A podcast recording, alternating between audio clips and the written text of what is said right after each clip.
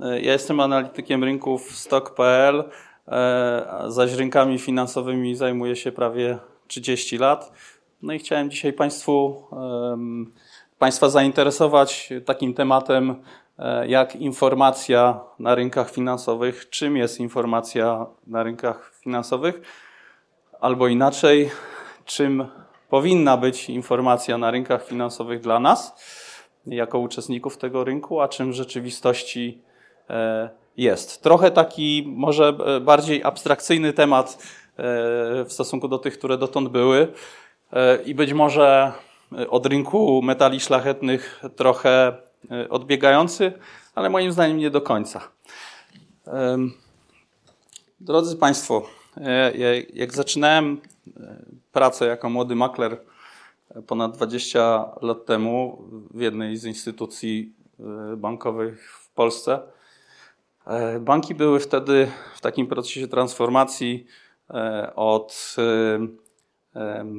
takich skosniałych struktur urzędniczych, wywodzących się z poprzedniej e, epoki, czy wcześniejszej epoki, do e, no, banków bardziej przyjaznych e, ludziom.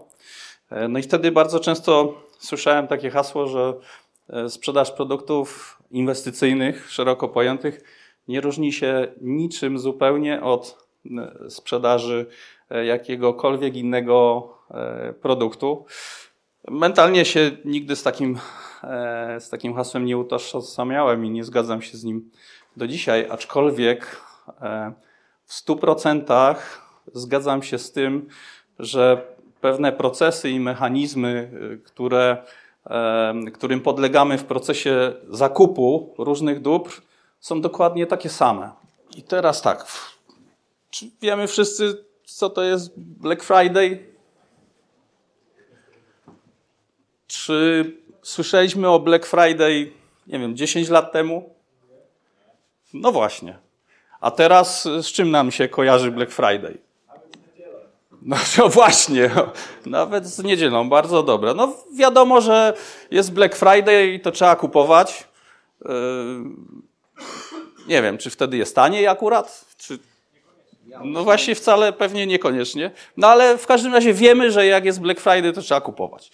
E, no i jest to pewnego rodzaju już emocja, która, e, czy jakiś impuls, który został trochę nam zaszczepiony, a, a emocja, która u nas powoduje określone zachowanie, które prowadzi do tego, że kupujemy po prostu. No i jeżeli teraz przejdziemy na grunt e, rynków finansowych, to moim zdaniem informacja na rynkach finansowych jest takim wyzwalaczem e, zachowań inwestycyjnych, procesów podejmowania e, decyzji. Dwie kluczowe emocje, które na rynkach finansowych funkcjonują, to strach i chciwość. Przy czym psychologowie mówią, że strach jest trzy razy silniejszą emocją E, niż, niż chciwość. W związku z tym, no strach się kiedy pojawia? Strach się pojawia wtedy, kiedy posiadamy jakiś, e, jakieś dobro, jakiś instrument finansowy, jego cena spada od dłuższego czasu. Im bardziej ona spada, tym my bardziej jesteśmy przestraszeni tym spadkiem. E, jeżeli, jeżeli nie mamy pomysłu ogólnego na to, jak lokujemy swoje oszczędności, nie mamy swojej własnej wypracowanej strategii działania, inwestowania, no to wtedy ta emocja działa dużo silniej. I wtedy zdarza się, że pod wpływem strachu pewna informacja się staje wyzwalaczem działania, no i się pozbywamy jakiegoś instrumentu. Po czasie się okazuje, że to było gdzieś mniej więcej E, przy dołku cenowym takiego instrumentu. I podobnie jest z drugą stronę, z chciwością. Nie mamy czegoś w portfelu, e, cena tego rośnie, rośnie, rośnie, my tego dalej nie mamy. W końcu jakaś tam informacja doprowadza do tego, że uruchamia nam e, w naszym procesie decyzyjnym to tą chciwość, nagle stwierdzam, dobra, nie, to muszę mieć. Ja akurat często, często bywa tak, że to się dzieje gdzieś e, w granicach e, górki cenowej tak zwanej. Oczywiście jest to pewnego rodzaju uproszczenie mechanizmu, ale mechanizmu, który, któremu podlegamy my wszyscy na, na rynkach finansowych i nie tylko. Każdy, kto e, ma nadwyżki finansowe i lokuje, to temu procesowi e, podlega. Jeśli nie mamy strategii działania, to jesteśmy bardziej podatni na te emocje, bardziej podatni na to, że informacja pewno wywołuje e, w nas właśnie te, te emocje i pod wpływem tych emocji podejmujemy no nierozsądne często decyzje, bo emocje w inwestowaniu raczej przeszkadzają. Przykład. Ciężko mi mówić o, o jakby przywoływać temat y, wojny, bo to się wiąże z jakąś e, tragedią ludzką zawsze i, i, temat wojny od strony rynków finansowych, no to, to takie mm, wydaje się trochę może być znaczy, mówić w kontekście pieniędzy o tragediach ludzkich, no to, to tak trochę słabo, ale jest to dobry przykład. Wybucha wojna na Ukrainie i co robią Polacy? Biegną do kantara, kupują dolary. Tak. Po, no, powiedzmy nie po pięć, ale blisko. No i, no i cóż, czy to było rozsądne? No z dzisiejszej perspektywy wiemy, że nie, prawda? Bo e, cena była blisko 5, 5 złotych E, a dzisiaj mamy dolara po, po 4. Zresztą z euro jest dosyć, e, dosyć podobnie, choć ta skala nie jest, nie, nie jest aż, tak, e, aż tak duża. A prawda jest taka, że waluty euro, dolar umacniały się dużo wcześniej w stosunku do złotówki, czyli złotówka się osłabiała i ta informacja o wybuchu wojny była takim punktem, można powiedzieć, blisko punktu kulminacyjnego e, całego trendu wzrostowego na, na tych walutach. No i teraz, jeśli ktoś ma strategię działania i ma w portfelu waluty, nieważne czy to jest 5% czy 20%, czy to jest 5 czy 20%, to zależy już od indywidualnej strategii każdej, e, każdej osoby. E, bo jestem zwolennikiem tego, że no nie można dać jednego schematu każdemu. Każdy z nas ma inną konstrukcję psychologiczną chociażby, w związku z tym każdy inaczej będzie budował sobie swój portfel inwestycyjny. Kolejny przykład, jeśli, e, jeśli inwestujesz, jeśli masz portfel inwestycyjny, inwestujesz długoterminowo, masz w tym portfelu akcje jakieś, E, jakiejś spółki i patrzysz na kurs e, tej spółki codziennie, a portfel jest długoterminowy, no to dla mnie to jest jasny sygnał. Albo masz za dużo e, tych akcji w portfelu, albo w ogóle ich nie powinieneś mieć, no bo nie nadajesz się do tego. Jeśli codziennie sprawdzasz kurs, to, to, to od strony takiej psychologicznej znaczy, że to, to nie jest dobry sygnał, jeśli chodzi o zarządzanie całym portfelem. W związku z tym, jeśli, e, no jeśli nie mamy tej strategii inwestycyjnej i działamy tak trochę instynktownie pod wpływem impulsu, e, no to tak naprawdę bierzemy udział w grze, e, która się nazywa czy coś wzrośnie, czy coś spadnie.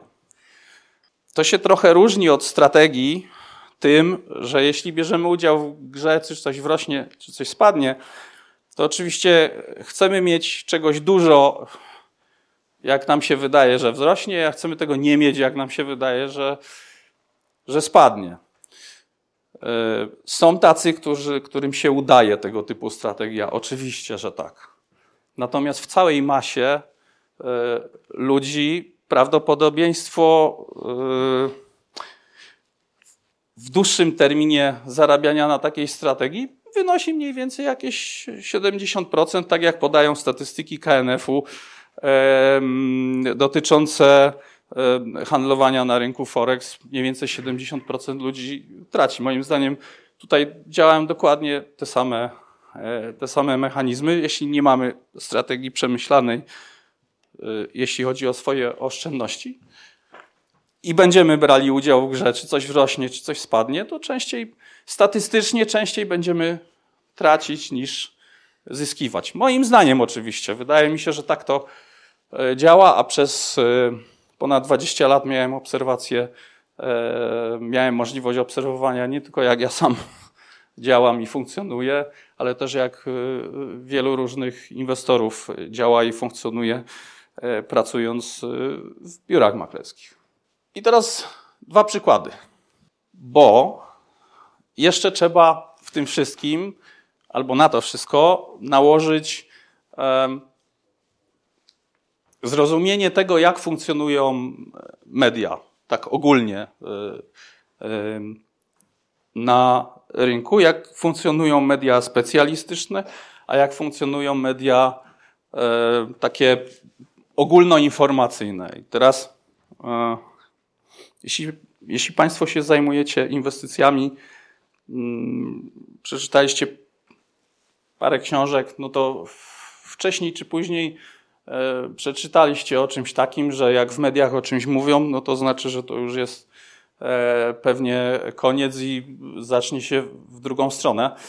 Mm, myślę, że w dzisiejszych czasach to można sprowadzić do tego, że jeżeli w mediach, które z reguły nie zajmują się tematami ekonomicznymi, pojawia się jakaś informacja ekonomiczna, czyli ona się przebije e, jako jakiś główny przekaz dnia w tych mediach, to znaczy, że musi to być coś spektakularnego, jeśli chodzi o tą część e, informacji ekonomicznych, a coś spektakularnego zazwyczaj się pojawia w momentach pewnego ekstremum, jeżeli chodzi o jakiś trend na, na pewnym instrumencie finansowym. No i tutaj jest tego, tego przykład w październiku zeszłego roku. Pamiętam, jak na kilku portalach e, przez kilka dni wisiała taka informacja, że banki wkrótce otrują karty. My już wiemy, straty będą potężne, dotkną największych.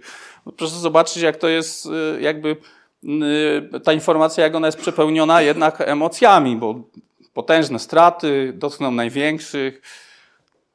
No, należy się bać. Tak, ja to tak czytam.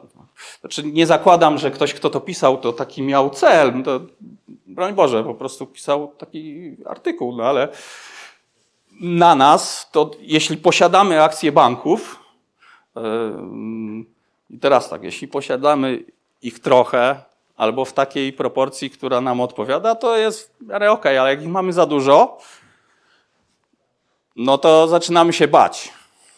Zaczynamy się bać i mamy taką wewnętrzną chęć do tego, żeby się tego albo pozbyć, albo przynajmniej zmniejszyć e, udział w portfelu.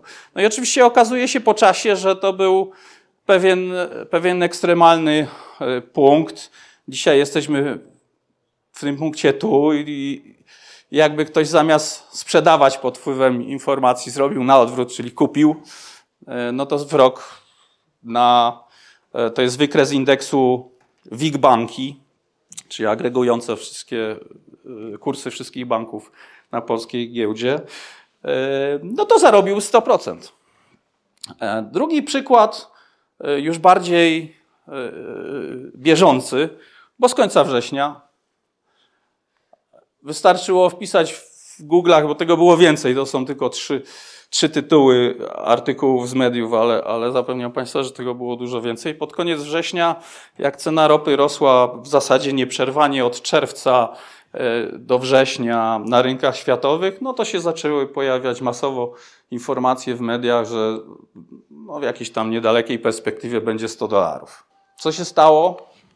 No ta informacja była tutaj a teraz jesteśmy już nawet poniżej 75 dolarów za baryłkę, czyli e, jak ktoś sobie uruchomił, e, miał nagle wielką chęć do tego, żeby stać się posiadaczem ropy e, w swoim portfelu pod wpływem tych informacji, no to niestety na dzisiaj jest prawie 25% na stracie. I to, co ja chciałbym Państwu przekazać przez, ten, przez, to, przez to moje wystąpienie to i dlatego to powtarzam yy, i będę powtarzał co chwilę. Jeśli mamy przemyślaną strategię dotyczącą swoich inwestycji, przemyślana to znaczy yy, taka, która yy, jest dopasowana, dopasowana do nas, czyli do naszych. Wiemy, jacy jesteśmy, znamy swoje predyspozycje, też i psychologiczne. Wiemy, jak oceniamy rzeczywistość, i w oparciu o to konstruujemy sobie swój własny portfel inwestycyjny. Jesteśmy takim zarządzającym e, aktywami, funduszem inwestycyjnym swoim własnym. E, sami sobie narzucamy pewne limity. Jakby racjonalnie, czyli e, wracając do tamtych sytuacji, czy może tu, stwierdzamy, że yy, tylko nie w tym momencie oczywiście. Gdzieś tam sobie wymyśliliśmy, że chcemy, żeby ropa była częścią naszego portfela. To sobie od razu ustalamy, w jakiej części.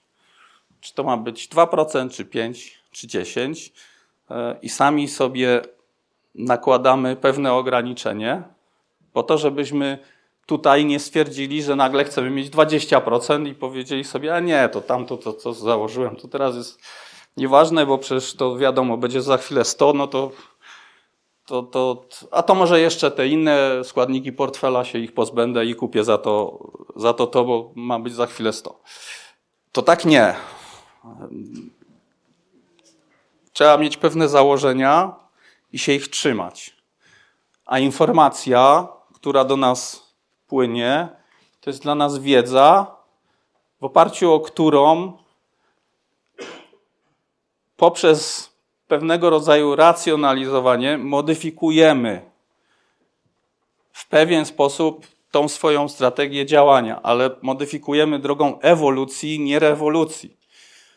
Czyli jeżeli już się zdarzyło, że biegniemy do tego kantora po te dolary, yy, to fajnie by było, jakbyśmy te dolary mieli wcześniej w portfelu w jakiejś tam części, powiedzmy 2%, 3%. Jeżeli bardzo chcemy dokupić, to wiemy, do jakiego udziału w portfelu chcemy dokupić. Czy do 4, czy do 5. I sami sobie te ograniczenia narzucamy. To nas chroni przed mm, czasem nierozważnymi decyzjami, które możemy podjąć pod wpływem e, emocji.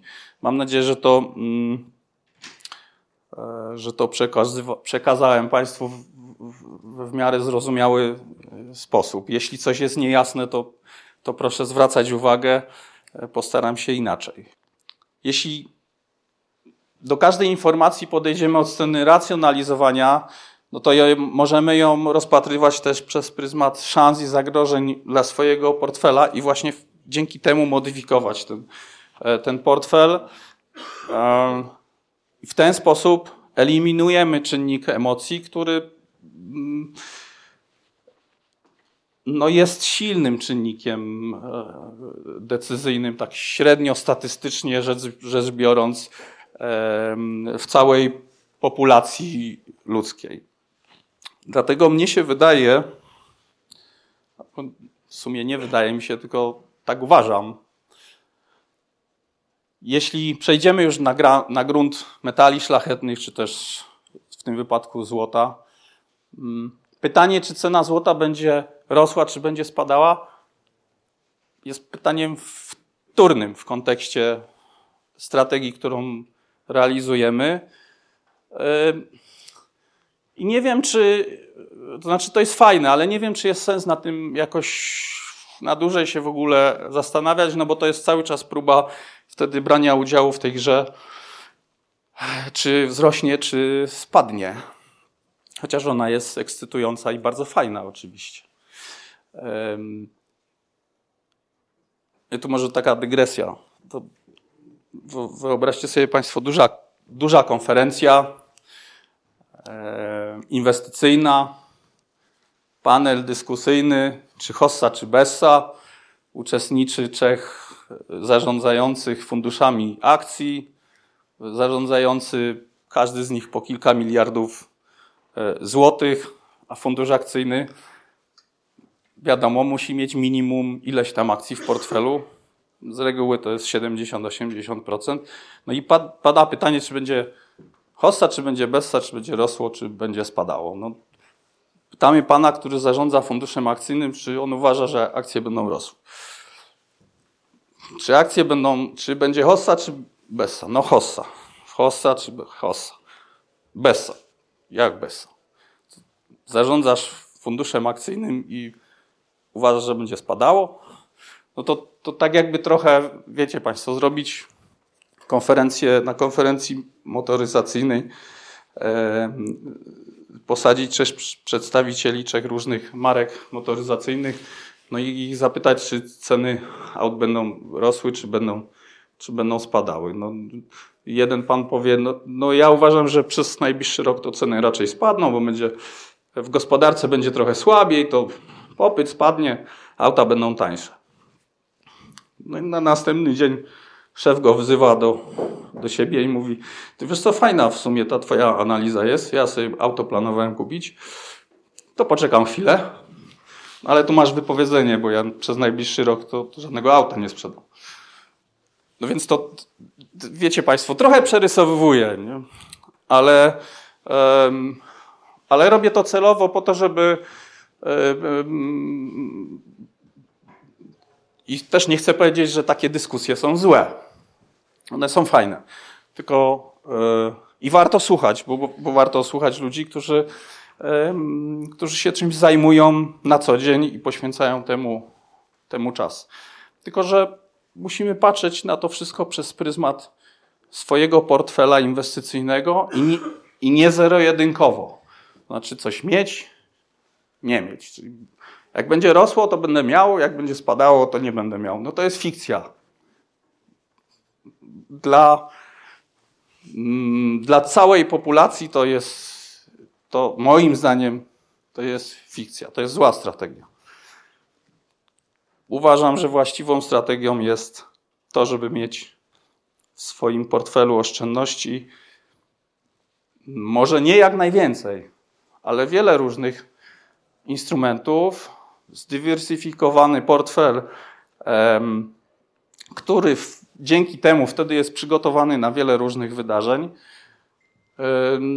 który można wtedy modyfikować lekko pod wpływem różnych, e, różnych informacji. A jeśli już ktoś się tym zajmuje mocno, czy rynkami finansowymi, no to wtedy może bardziej bardziej, bardziej odważnie. Jeśli się ktoś na co dzień e, rynkami finansowymi nie zajmuje i doraźnie tylko e, obserwuje, co się dzieje, e, no to proszę pamiętać o tym, ja to tak nazywam efekcie medialnym informacji, który nie jest generalnie zbyt szczęśliwy. Ja zostałem również poproszony o to, żebym Państwu zaprezentował, skąd ja biorę źródła informacji chociażby do, do komentarzy, które mm, e, piszę na portalu stock.pl. Mm, tych źródeł informacji jest wiele oczywiście. Tutaj są informacje ekonomiczne e, dotyczące wielu różnych wskaźników ekonomicznych różnych krajów. E, stąd biorę informacje o wynikach finansowych spółek w Ameryce, tutaj również. E, to jest strona, e, która ma informacje statystyczne mm, e, Banku Rezerwy Federalnej w USA. To jest polska strona, która, która publikuje kalendarz ekonomiczny czy danych makroekonomicznych. Gold.org.pl to dotyczy złota. To jest taka organizacja, organizacja World Gold Council. Ona, ona publikuje ciekawe moim zdaniem informacje z rynku, e, z rynku złota, oczywiście PAP, analizy.pl i tak dalej, i tak dalej. Do tego różne materiały analityczne różnych banków, raczej tych dużych, e, światowych, tak samo i funduszy inwestycyjnych. Można oczywiście wchodzić na te strony, to polecam.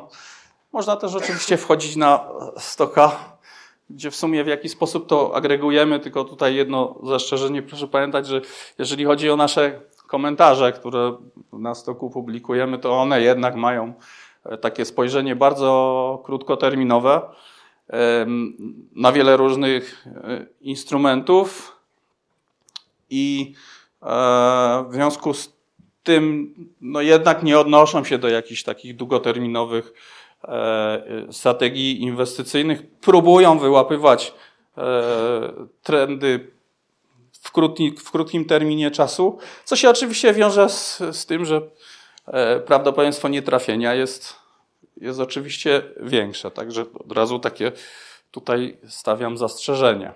I na końcu chciałbym powiedzieć, co moim zdaniem wpływa na ceny metali szlachetnych Moim zdaniem przede wszystkim to podaż pieniądza lub zmiana oczekiwań w tym zakresie. Zresztą wydaje mi się, że podaż pieniądza jest y, ważna w kontekście wszystkich aktywów i wszystkich instrumentów y, finansowych. I można powiedzieć tak trochę sarkastycznie, że ponieważ długoterminowo podaż pieniądza rośnie w gospodarce, to długoterminowo ceny wszystkich aktywów też powinny rosnąć.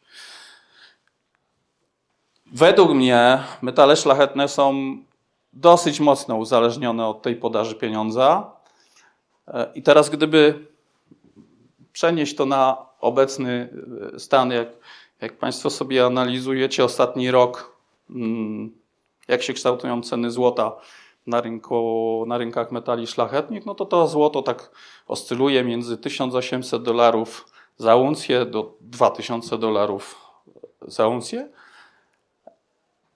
I uważam, że to wcale nie jest źle aktualnie, dlatego że jesteśmy w procesie, w którym podaż pieniądza jest pierwszy raz od, od wielu e, lat, jak nie, jeśli nie kilkanaście czy kilkadziesiąt lat, podaż pieniądza spada.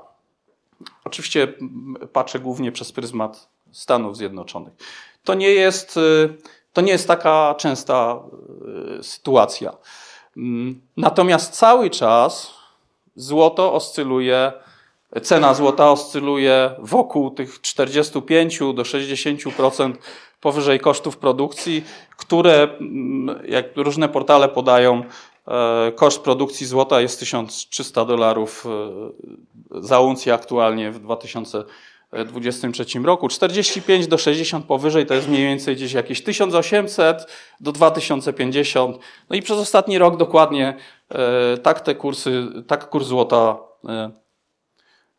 wygląda. Myślę, że i dlatego moim zdaniem złoto jest o tyle fajnym instrumentem, że tym naszym ograniczeniem dolnym no jest ten koszt produkcji złota. No trudno sobie wyobrazić sytuację, w której cena złota mogłaby spaść poniżej kosztów jego produkcji, a jeśli tak się zdarzy, to pewnie się to zdarzy na chwilę. No i moim zdaniem przewaga chociażby nad akcjami jest taka, że no przy, przy akcjach nie, trudno sobie wyznaczyć taki poziom. Nie ma czegoś takiego jak koszt produkcji akcji, prawda? No i tym chciałem zakończyć to dzisiejsze wystąpienie. Dziękuję Państwu bardzo serdecznie. Zapraszam do kontaktu.